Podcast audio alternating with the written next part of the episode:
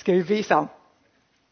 Jesus, jeg takker dig, fordi du er så fantastisk. Den kærlighed, du har til os, er uhørt mega stor. Og det er så svært for os helt at fatte. Og Jesus, jeg beder om, at du vil røre ved hver enkelt af os i dag. At vi bare må fatte bare en glimt mere af, hvor vidunderligt du er. Amen.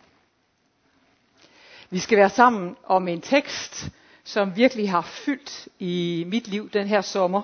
Jeg har stødt på den igen, igen, igen, og nu får vi den også i dag. Og den er fra øh, Lukas evangeliet kapitel 15, fra vers 11 til 31. Så det er lidt langt at læse, men jeg håber, I kan være med til den her meget fantastiske beretning, som Jesus har delt med os. Jesus fortsatte med følgende historie. Der var en mand, som havde to sønner. Og en dag sagde den yngste søn til sin far, Giv mig min del af arven nu. Og faderen delte så, hvad han ejede mellem de to sønner. Og nogle dage senere samlede den yngste søn alle sine penge og rejste udenlands. Der solgte han hele sin formue op i et udsvævende liv, og da han ikke havde flere penge, begyndte vanskelighederne at melde sig. Der blev hungersnød i landet, og han sultede. Til sidst søgte han job hos en landmand, der sendte ham ud for at vogte grise på marken. Han fik ingen mad, og han drømte om at spise sig midt i det grisene åd. Nu var han villig til at sluge sin stolthed og sagde til sig selv, hjemme hos min far får en daglejer mere, end han kan spise, og her går jeg og er ved at dø af sult. Nu prøver jeg at tage hjem til min far og sige, far, desværre har jeg svigtet både dig og Gud. Jeg fortjener ikke længere, at du kalder mig din søn. Men kan jeg få et job hos dig?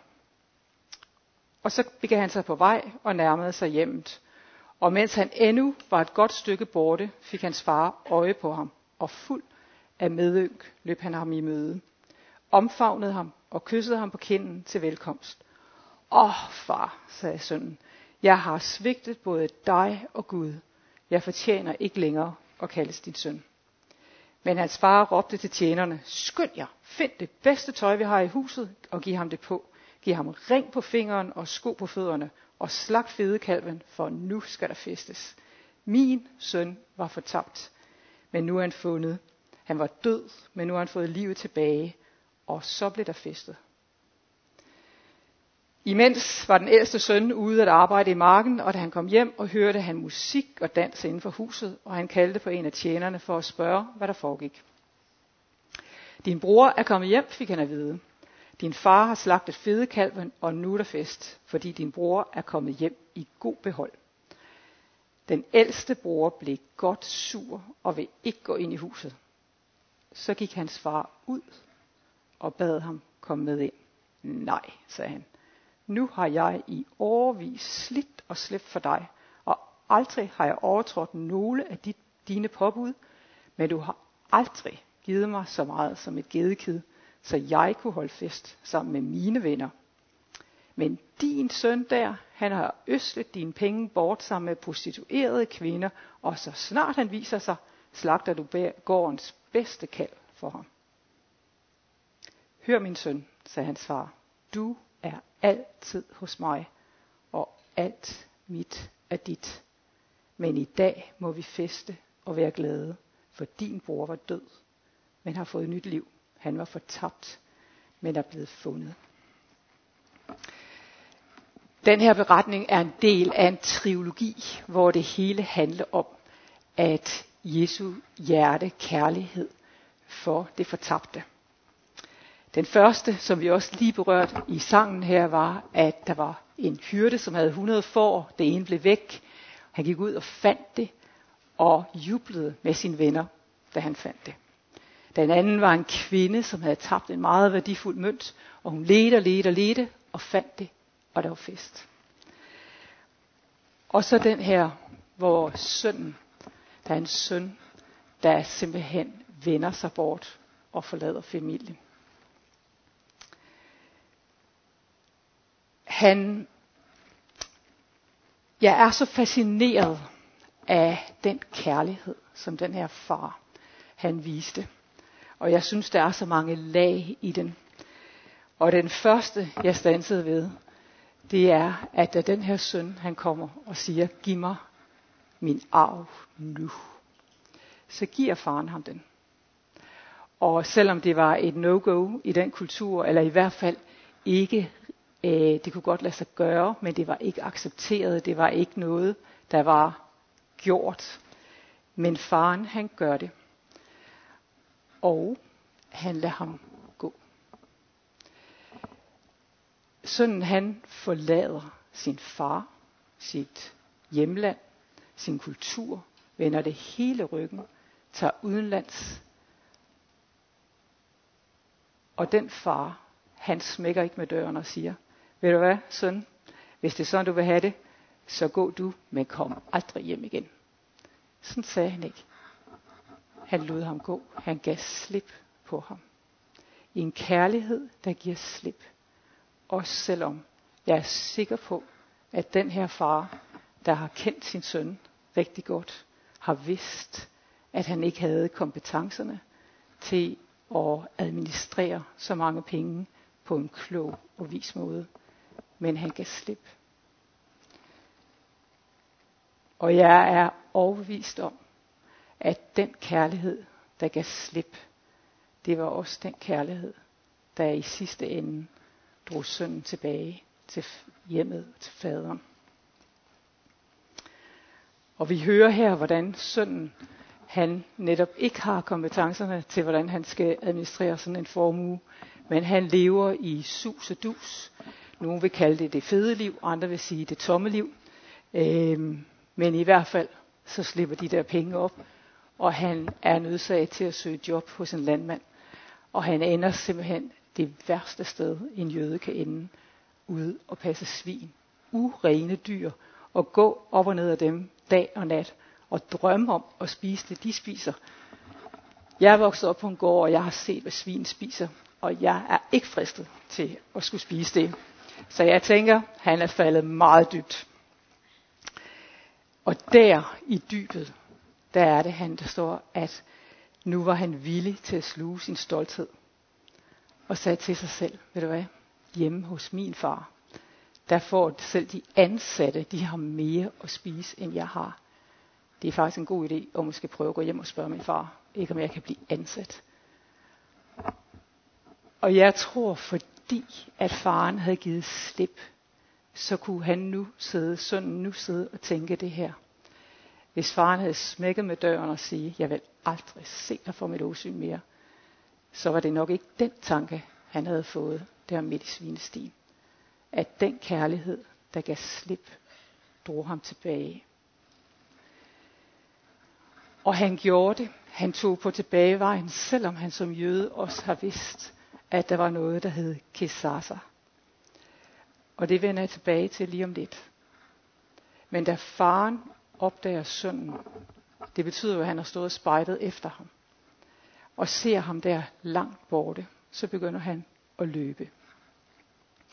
For mig, når jeg hører, at faren han løber, så tænker jeg, det er et udtryk for kærlighed, for længsel, for åh, det bliver godt at se ham. Når min bonusdatter har været ude at rejse i lange tider og kommet hjem, så har jeg heller ikke noget problem i at møde, løbe hen mod hende i lufthavnen og give hende et kæmpe kram. Det er glæde, det er kærlighed, hvor er det godt at se dig igen. Men i den her kultur, der løb mænd ikke. Jeg var for mange år siden, sad jeg til en reception i Mellemøsten. En reception, som den øh, organisation, jeg arbejdede med på det tidspunkt, havde organiseret og alle spidserne fra samfundet sad til den her reception i deres lange, hvide rober. Og øh, min ven og kollega, han holdt ligesom ærestalen. Og han fortalte, at han har en gammel visdomsbog, som han læser i. Og i den bog, der er der en beretning om en far og en fortabt søn og at den far havde sådan en kærlighed for den søn, at han løb. Og du kunne simpelthen høre en knappenål falde til gulvet derinde. Fordi der var helt stille. Det gør man bare ikke. Fordi hvis man skal løbe i den kultur, så skal du trække din kjortel op og vise dine bare ben. Og det er meget skamfuldt. Og for os, vi kan ikke sådan helt forstå det der med skam måske. Fordi vores kultur er ikke baseret på skam, men mere på skyld. Og, øh, men det, at faren løber, det er skamfuldt. Det er som om han tager skyld på sig for noget, øh, som han ikke har gjort. Og så løber han ud for at møde sin søn. Han tager skam på sig.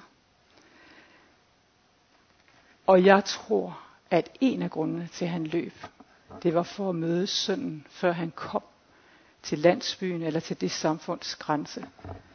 For den gamle jødiske tradition med kesasa, det betyder, at hvis en jødisk søn havde brugt hele hans arv blandt hedningerne i udlandet, hvis han vågede at komme hjem til byen igen, så mødte samfundet ham udenfor med en kæmpe stor krukke, som de smadrede i jorden.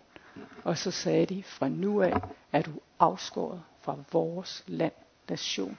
Du er udstødt.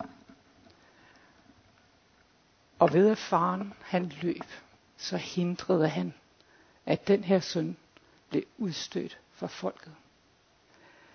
Han tog skam på sig for at redde sin søn. Og det er det, han gør for hver eneste en af os, når vi vender om fra hvad end vi har haft gang i, selvom det har været noget, som vil have udstødt os for altid, så sætter han i løb for at møde os, for at vi ikke skal blive udstødt. Så mega stor er hans kærlighed, at han er villig til at bære skam og skyld, for at jeg bliver renset.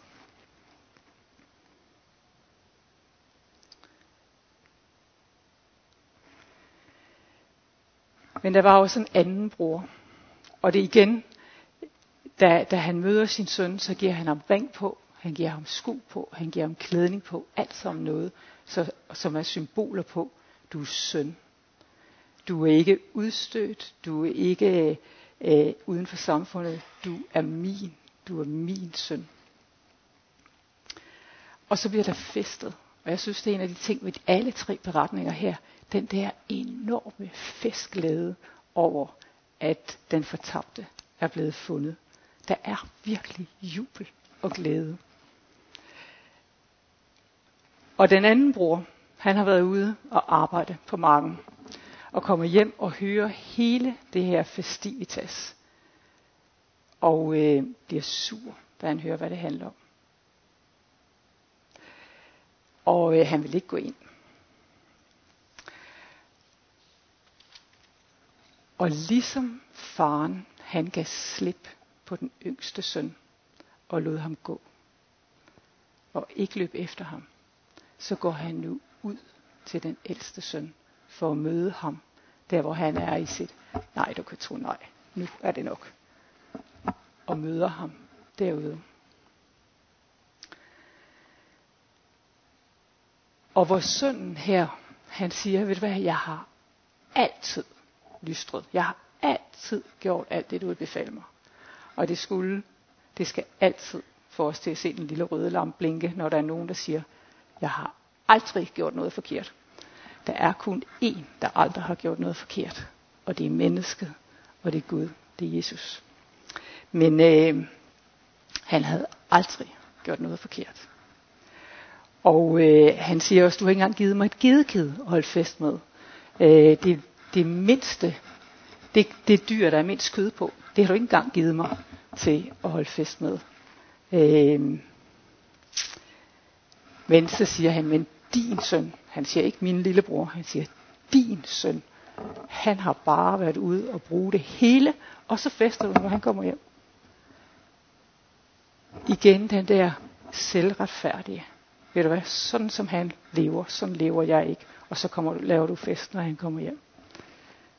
Og hvor faren han så siger det her til ham. Der er jo noget, du har helt misforstået. Han siger, hør min søn, for alt mit er dit.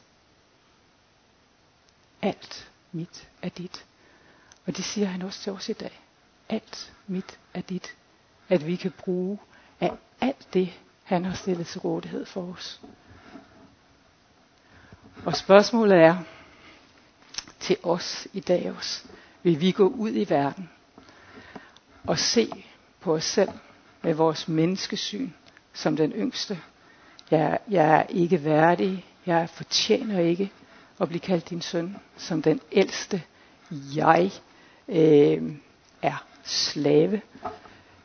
Eller vil jeg gå ud i verden med Guds syn på mig? Du er min.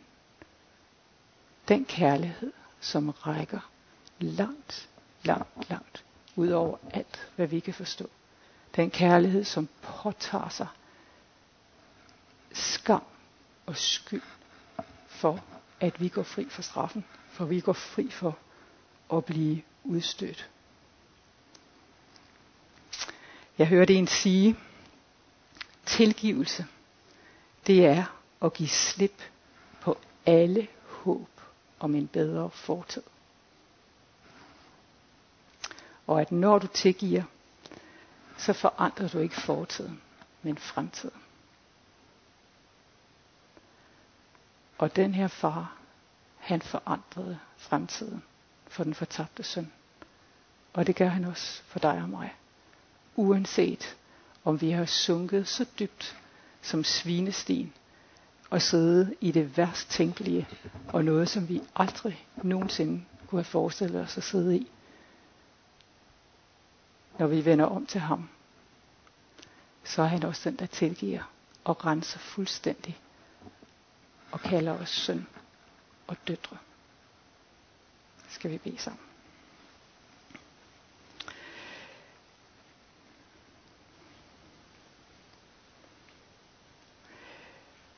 For hver gang jeg hører om din kærlighed, om hvordan du bærer skam og skyld og straf, for at jeg kan gå fri, så jeg, jeg kan næsten ikke fatte det. Men Jesus, jeg takker dig, fordi du gjorde det. Takker dig for det her billede på, hvordan du løb for at møde den, som var vendt om. Den, som stod til at blive fuldstændig udstødt. At du mødte ham, at du genindsatte ham som søn, at du genindsætter os som søn, sønner og døtre, at vi er dine. Og Jesus, jeg beder os om, at når vi i vores liv måske synes, jeg knokler bare for Gud, og der sker ikke rigtig noget, at så er det mig, der har gang i noget helt forkert briller at øh, du har sagt, alt mit er dit. At når vi er kun tænker på, om vi fortjener at være dine eller ej, at så er du den, der siger, du er min søn, min datter. Jesus hjælp os til at modtage det i vores hjerter. I dit navn. Amen.